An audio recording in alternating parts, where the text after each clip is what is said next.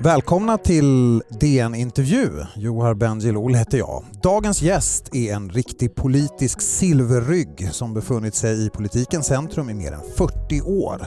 En politisk analytiker som länge gjorde analysen att han inte skulle klara jobbet som partiledare för Folkpartiet. Men han lät sig övertalas och ledde sedan sitt parti i tre val i nöd och lust, fiasko och framgång. Och under några dagar hösten 2002 förhandlade han om att bli Sveriges statsminister. Välkommen Lars Leijonborg! Ja, Lars Leijonborg, hur nära var du att bli statsminister där i september 2002? Det är väl svårt att riktigt säkert svara på det. Det var ju två... Ja, det, det som hände var ju först att vi förhandlade, det gick mycket bra. Men en fredag morgon så ringer Maud Olofsson till mig och säger att hon har kallat, är på väg till en presskonferens där hon ska meddela att Centern vill inte delta i den här tänkta regeringen det var ju då uppenbart ett skäl att inte bli vald. Men det är klart att jag inte till 100 procent kan veta det hur Moderata samlingspartiet, som ju inte skulle vara med i regeringen men ändå vara ett parlamentariskt stöd, hur de till sist skulle... Alltså Bo Lundgren hade lovat att jag fick göra försöket men om man hade hela sin riksdagsgrupp med sig, till exempel med unge Fredrik Reinfeldt som ju då var på uppåtgående och så småningom skulle efterträda Lundgren. Det, det är också inte till 100 procent. Nej, för det var ju då förhandlingar med det var mm. Eh, Folkpartiet som mm. partiet hette då som har gjort ett mycket bra val 2002, mm. var största parti i den tänkta konstellationen där med Kristdemokraterna, Centerpartiet och också Miljöpartiet. Mm. Eh, vad tänker du idag om Maud Olofssons agerande där, att hon sänkte detta? Ja, man får det, det är ju ingen personlig bitterhet. Där, och det, jag skriver ju att jag tror att hon följde sin övertygelse och det måste ju varje människa ha rätt att göra. Men det, min ambition då, den som har kan svensk inrikespolitisk historia vet att det är en mycket gammal tradition hos folkpartiledare och mittenpartiledare att säga att borgerlig samverkan ska vi ha men det är väldigt bra om den har tyngdpunkten i mitten. Också flera grejer jag gjorde de där åren syftade till så att, säga, att stärka den politiska mitten. Vi hade, vi, Moderaterna skulle vara med men de skulle inte få bestämma allt.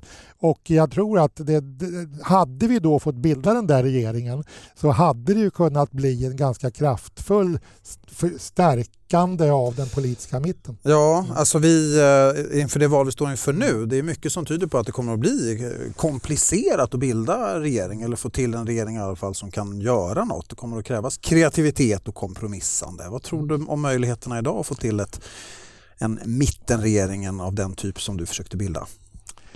Ja, det är lite tråkigt för, men jag håller mig undan det mest dagspolitiska faktiskt. Jag känner att jag Om jag inte... säger snälla, ja, snälla då. Ja, ja, men ja, då kan jag svara så här och inte svara på frågan men en annan fråga. Man kan få mycket inspiration i boken därför att jag redogör ju för en situation 90 1994 då vi hade Bengt Westerberg som ledare.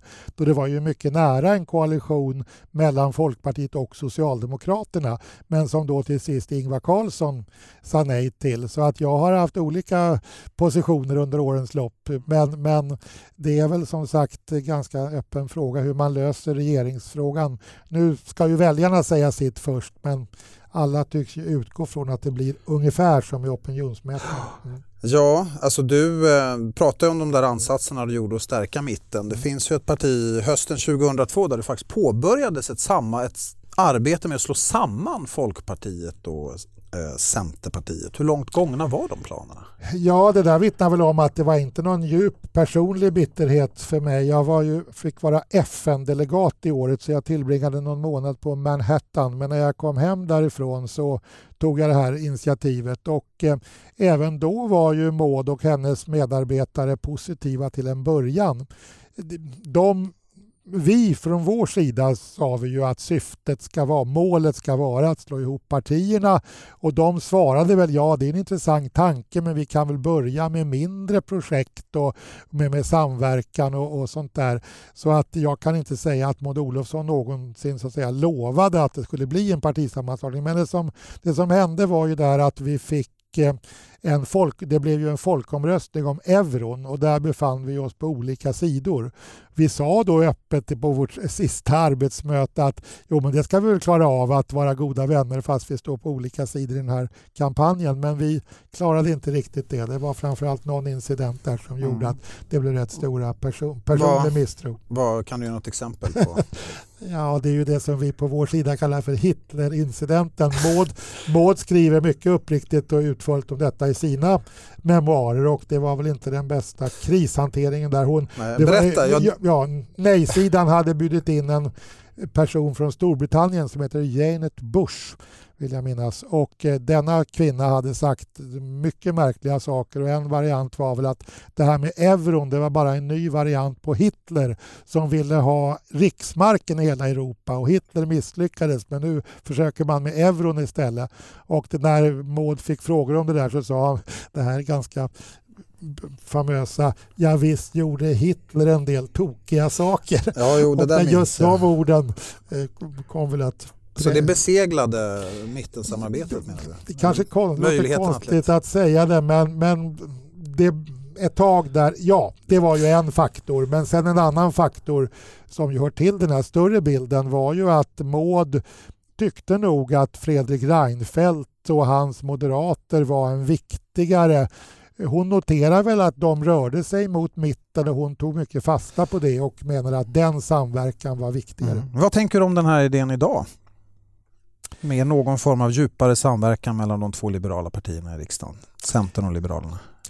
Jag kan ju säga att jag har ju varit för det i årtionden så det hade varit konstigt om jag hade ändrat uppfattning. Men då vill jag säga så här att stjärnorna måste stå rätt så att säga. Det, som, det var ju några grejer då, nämligen att eh, Maud och Centern till exempel något tonade ner sitt kärnkraftmotstånd. Det är inte så att de på något ändrade uppfattning men de, mer och mer kom de till att det där kan inte lägga en död hand på all, all så att säga, politisk eh, utveckling. Och eh, ja, det var väl ett skäl som gjorde det mera realistiskt. Mm. I din bok så ger du också eh, intressanta inblickar i hur allianssamarbetet fungerade. Du var ju med de första åren där och att eh, moderatledaren Fredrik Reinfeldt mycket skickligt genomförde en taktik av söndra och härska, skriver du. Vad var det han gjorde? Ja, han gjorde sitt jobb. Han gjorde det han har betalt för, nämligen att främja moderat politik så mycket som möjligt och jag lyfter på hatten för den skicklighet han gjorde det med och det, det, den anklagelse som möjligen ligger i det resonemanget det är ju mot oss andra tre att vi accepterade detta säga, skickliga agerande. Men vad var det han gjorde då rent konkret i härskartekniken? Om man är fyra personer i ett rum, vilket vi alltid var, och man måste enas och tycker olika då är det, även om man representerar det största partiet, så är det kämpigt att ha tre emot sig. Så att han såg till att han hade alltid en av, nästan alltid, en av oss tre andra på sin sida. Och är det 2-2 då är det väl naturligt att den sida som det största partiet ingår i får sin vilja igenom. Och jag, jag skojar och skriver att han kanske spelade mycket luffarschack när han var barn, för där vet ju alla att om motspe motspelaren har tre kryss i rad, då måste man agera snabbt för att mm. få stopp på det. Och Ja, den är intressant den där grundprincipen, det här två, tre mot en, att man ska undvika det läget. Eh, vad kan man lära sig av, det är ju samma grundförutsättningar idag för Alliansen. Eh, hur viktigt är det att bygga allianser inom alliansen eh, idag skulle du säga för att få något gjort? Ja, jag, först kan jag då konstatera att moderat, då förr i tiden när man sa så här att det ska ha sin tyngdpunkt i mitten och det, det gamla högerpartiet avskydde ju det och även Moderaterna. Det är ju fullt begripligt och jag, jag skriver ju fullt eh, uppriktigt att när jag märkte att eh, Maud och Fredrik eh, försökte hitta varandra så kände jag mig, så att säga, inte personligt, men aj, aj, aj, vad innebär det här för vår politik? Så att, men har man den ideologiska utgångspunkten att det är bra för Sverige att politiken är mera förankrad i mittfältet. Då bör ju i så fall de mindre partierna, för de är ju fortfarande de mindre, eh, ha en, försöka ha en dialog. Men jag vet, jag vet inte om det förekommer. Vi, eh, du har ju då en eh, fördel eh, i den här boken som man ofta har i politiska självbiografier att man har möjlighet till efterklokhet och det finns en del sånt i boken när det gäller det som idag är en av de största politiska frågorna, det här med integration och migration. Och det ska vi prata mer om alldeles strax.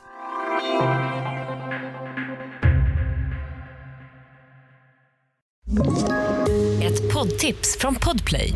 I fallen jag aldrig glömmer djupdyker Hasse Aro i arbetet bakom några av Sveriges mest uppseendeväckande brottsutredningar. Går vi in med hemlig telefonavlyssning och, och då upplever vi att vi får en total förändring av hans beteende. Vad är det som händer nu? Vem är det som läcker? Och så säger han att jag är kriminell, jag har varit kriminell i hela mitt liv men att mörda ett barn, där går min gräns. Nya säsongen av Fallen jag aldrig glömmer på Podplay.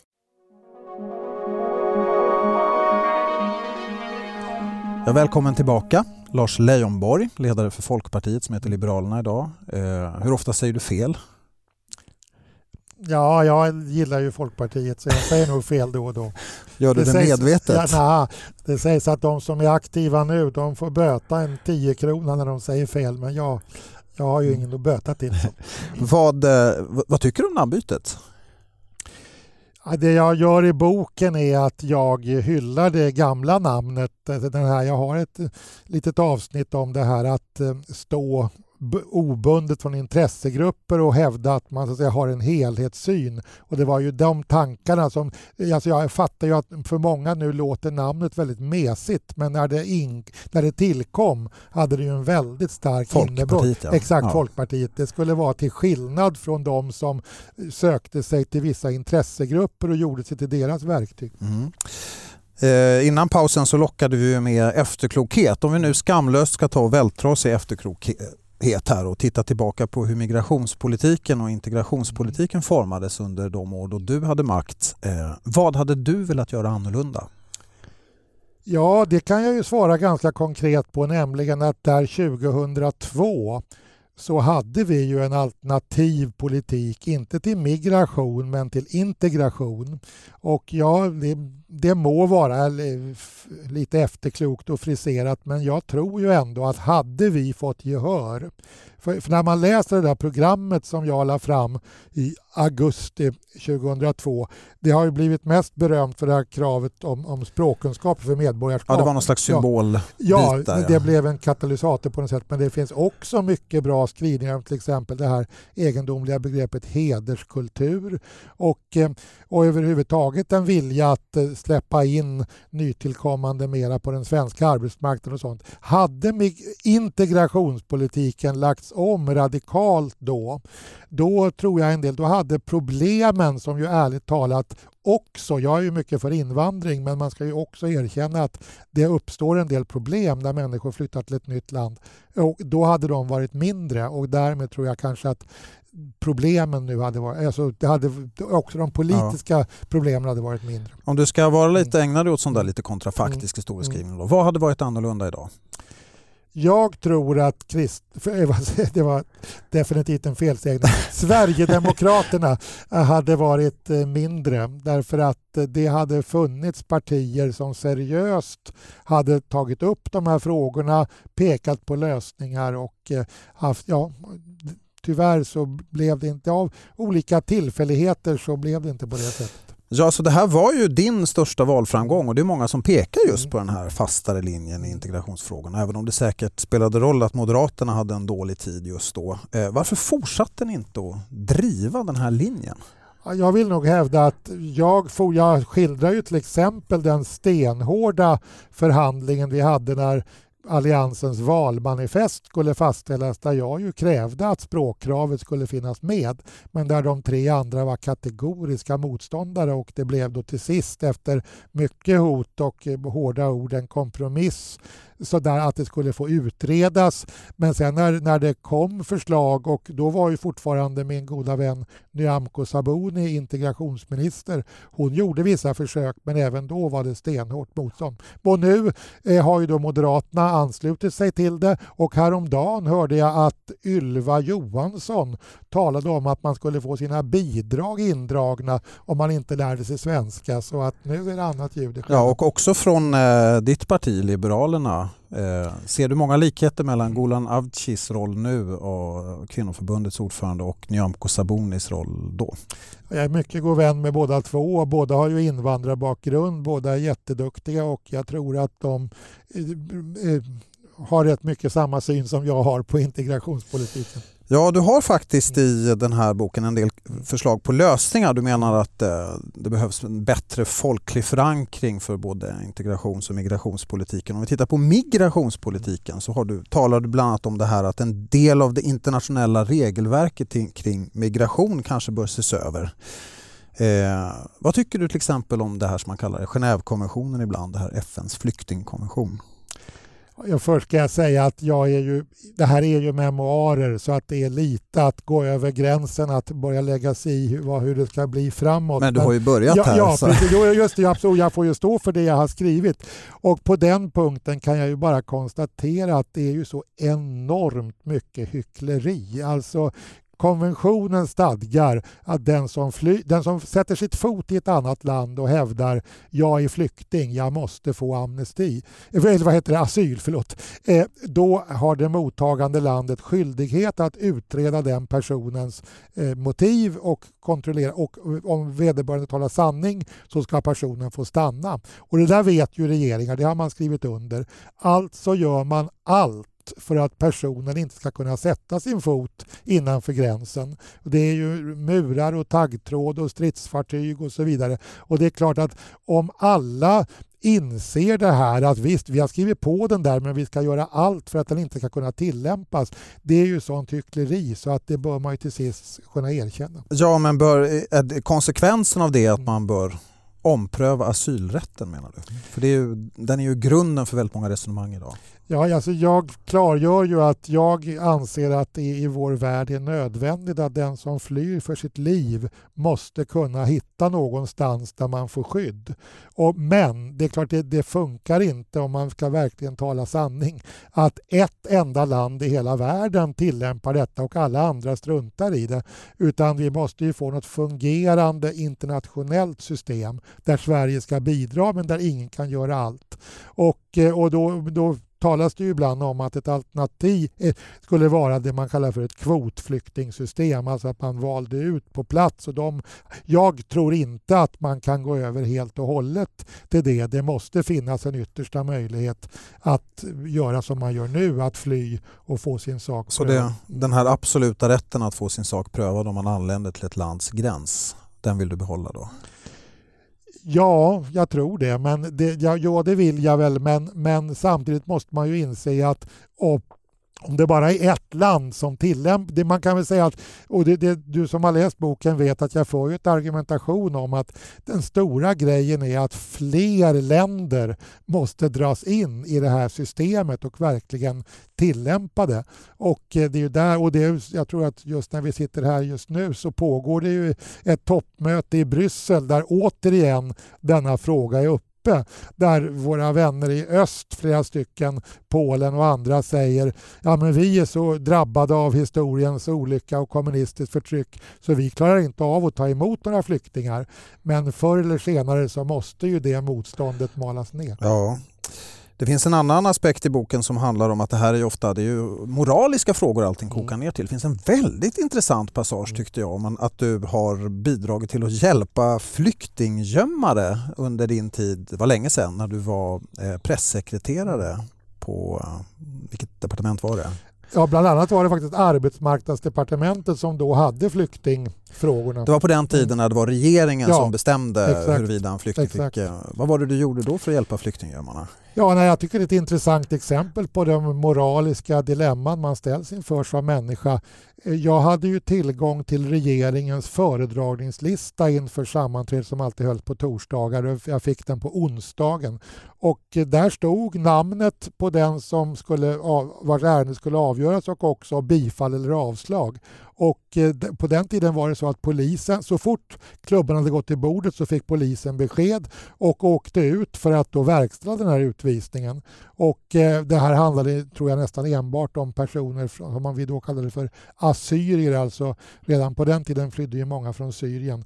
Och eh, så att jag berättade för kompisar jag hade som gömde flyktingar att eh, nu kommer den här personen att få avslag imorgon så att vill ni att personen ska vara kvar så får ni flytta vederbörande. Mm. Vad tänker du om vi rent hypotetiskt, om du hade ställts inför samma dilemma idag, vad hade du gjort? Jättesvårt att säga faktiskt. Det, vi var väldigt övertygade om att den här gruppen eh, det var, de hade verkligen enligt vår uppfattning, då, unga liberaler som vi var, de hade skäl att stanna. Samtidigt så jag, i andra avsnitt i boken så betonar jag ju att den som efter en rättssäker prövning har fått avslag, den ska ju lämna landet. Och att en statstjänsteman då å ena sidan deltar i den här processen och å andra sidan saboterar den, det är klart det är jättekonstigt. Ja, det kanske sammanfattar någon typ av liberalt dilemma också. Ja, det är mänskligt, moraliskt dilemma vill jag väl säga. Det, ja. ja, men då eh, kanske vi slutar där med att konstatera att det är svåra moraliska problem det handlar om när man diskuterar På migrationspolitiken är det definitivt eh, svåra mm. problem vi står inför. Tack Lars Leijonborg för att du var med i DN Intervju. Producent Augustin Erba, teknik Jennifer de Ward. DN Intervju är ett samarbete mellan Bauer Media och Dagens Nyheter. Tack för att ni har lyssnat.